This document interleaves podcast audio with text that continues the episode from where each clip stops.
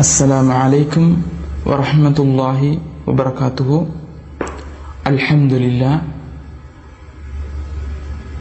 الحمد لله رب العالمين والصلاة والسلام على رسوله الكريم وعلى آله وأصحابه أجمعين ඉස්ලාම් ධර්මයට පිවිසෙන්නේ කෙසේද මහිතවත් සහෝදරවරුනි සහෝදරයනි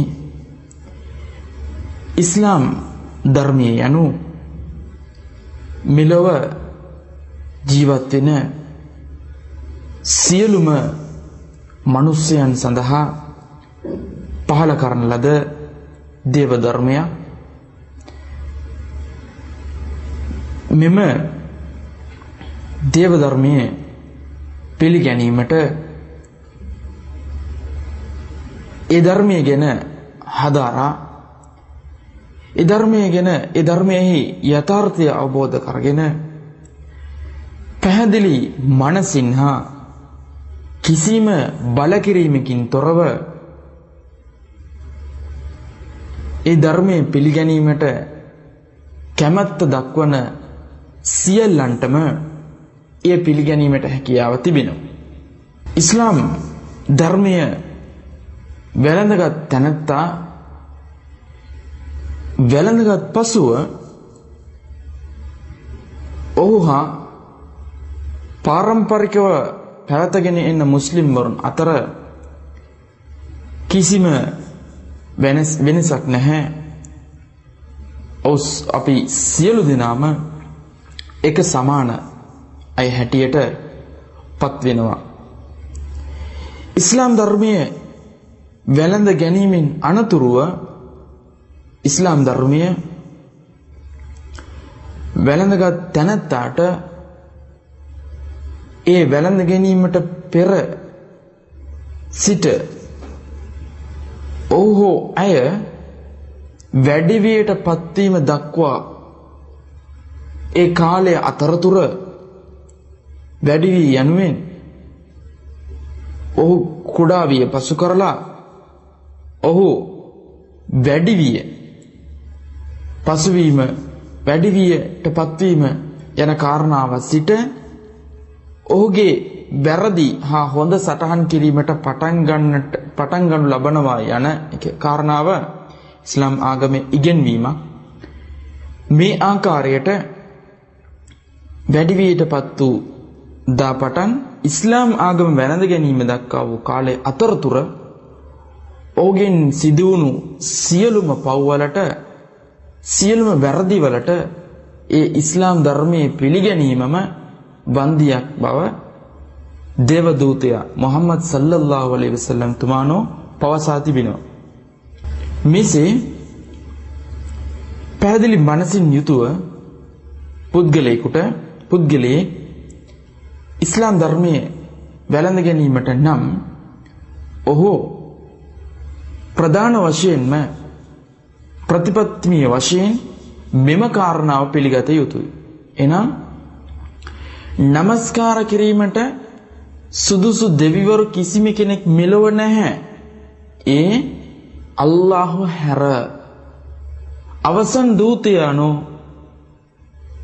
මොහම්මද් සල්ලල්ලාහු අලයිහි වසල්ලම් තුමාන් මෙසේ මෙම වචනය අරාබීන් ප්‍රකාශ කර ප්‍රකාශ කිරීමෙන් ඔහුට හැකියාව තිබෙනවා මුස්ලිම් කෙනෙක් වීමට මෙම වචනය අරාබියෙන් ලා ඉලාහ ඉල්ලල්ලා මුහම්මදුර් රසූලුල්ලා මෙම වචනය ප්‍රකාශ කිරීමෙන් මුස්ලිම් කෙනෙක් වීමට හැකියාව තිබෙනවා.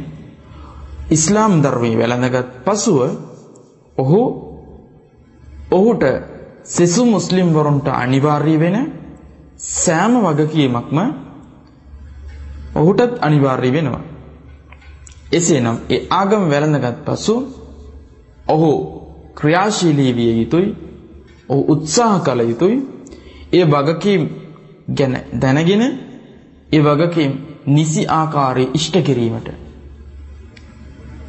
මෙසේ ඉස්ලාම් ධර්මීය වැළඳගත් අයට අල්ලාහගේ ආශිර්වාදය කරුණාව දයාව ලැබෙන අතර මෙම වචනය ප්‍රකාශ කිරීම තුළින් අපිට ජයග්‍රහණය ලබා ගැනීමටත් හැකියාව තිබෙනවා. එදා නබිනායකතුමා විවිධ සති පොළවල් වලට ගොස් නබිතුමා ප්‍රකාශ කර සිටිය ජනයනි ඔබ ලා ඉලාහ ඉල්ලල්ලාහ් යනුවෙන් පවසන්න ඔබට ජයග්‍රහණය කරන්න පුළුවන්. යනු ඒ කාරණාව මෙම වචනීය හුදක්ම අපි කටෙන් කියලා ජයග්‍රහණය කරන්න පුළුවන් වචනයක් නෙමෙයි. මේ වචනය ප්‍රකාශ කරපු තැනැත්තා යම් ශ්‍රමයක් දැරිය යුතුයි. යම් ආකාරයක උත්සාහයක් කළ යුතු වෙනවා. ඉවසීම ඔහුට අවශ්‍ය වෙනවා. ඒ ඒ ධර්මයට අකුල් හෙලන ඒ ධර්මයේ පිළිනොගත්ත උදවිය විවිධ ආකාරයේ හිංසනයන් පීඩාවන් ලබාදී එයින් ඒ තැනැත්තාව මගහිරීමට මගහරවා වෙනතකට යොමු කිරීමට හැකියාව ඇති බැනි. මෙසේ ඉවසීමෙන් යුතුව ඔහු කටයුතු කළේ නම් ඉස්ලාම් ධර්මී පවසන ඒ ස්වර්ගයට යෑමට ඔහුට ඉතාමත්ම පහසු වෙනවා.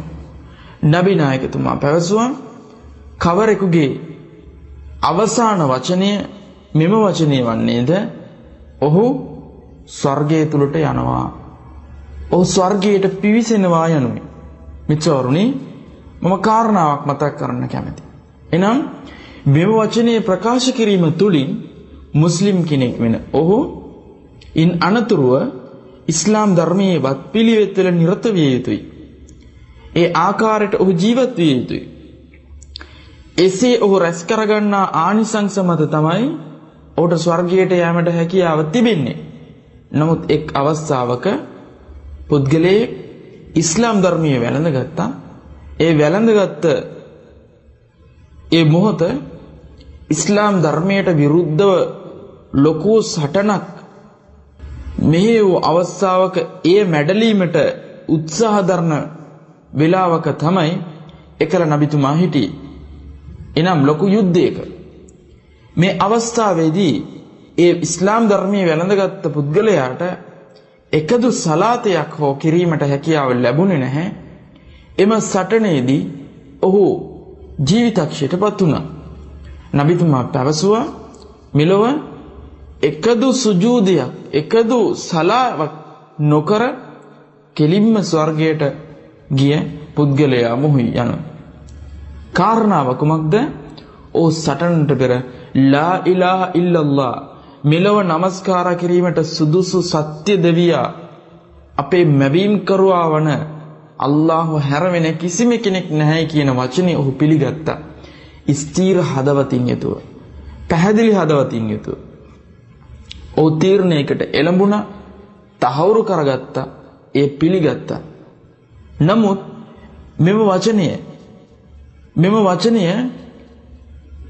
තමන්ට දැන් මරණය අත්වෙන්නට යනවා. එය ස්ථීරයි. යනුවෙන් තහවුරු වූ පසු තමන්ට තමන් මෙලොව ලොකු විපාකයක් කරපු කෙනෙක් හැටියට තහවුරු වූ පසු තමන්ව ආරක්ෂා කර ගැනීමට මෙම වචනය ප්‍රකාශ කිරීම ඔහුට කිසිදු පළක් ලැබෙන්නේ නැහැ. අපි දන්නවා මූසා අලයිහිස්සලාම් තුමා එතුමා මෝසස් යනුවෙන් අනෙකුත් සමාජයේ හඳුන්වන එතුමා ඒ සමාජයේ හිටපු රජ්ජුරුවට මේ ගැන පැහැදිලි කළා විවිධ අවස්ථාවන් වල ගොස් පැහැදිලි කළත් ඔහු ඒ පිළිගත්තේ නැහැ. මම තමයි දෙවිය යනුවෙන් ඔහු පැවසුවා. නමුත් අල්ලාහ්ගේ එම කැමැත්ත මත ඔහුගේ අවසාන ඉරණම වූයේ මුහුද මැද ගිලී මරුමුවට පත්වීම. මේ අවස්ථාවේදී ඔහු ගිලෙන අවස්ථාවේදී ඔහු පැවසුවා මම මෝසස්ගේ දෙවිය වන හාරෝන්ගේ දෙවිය වන අල්ලාහව මම පිළිගත්තා යනුයි. නමුත් ඒ අවස්ථාවේ අල්ලාහ් ඒ ප්‍රතික්ෂේප කළා. ඇයි? ඔහු ඒ වෙලාවේ හිටියේ මරණ මංචකේ. මරණ මංචකයේදී සියලු දිනාම මෙම වචනේ යථාර්ථය තහවුරු කරගනි.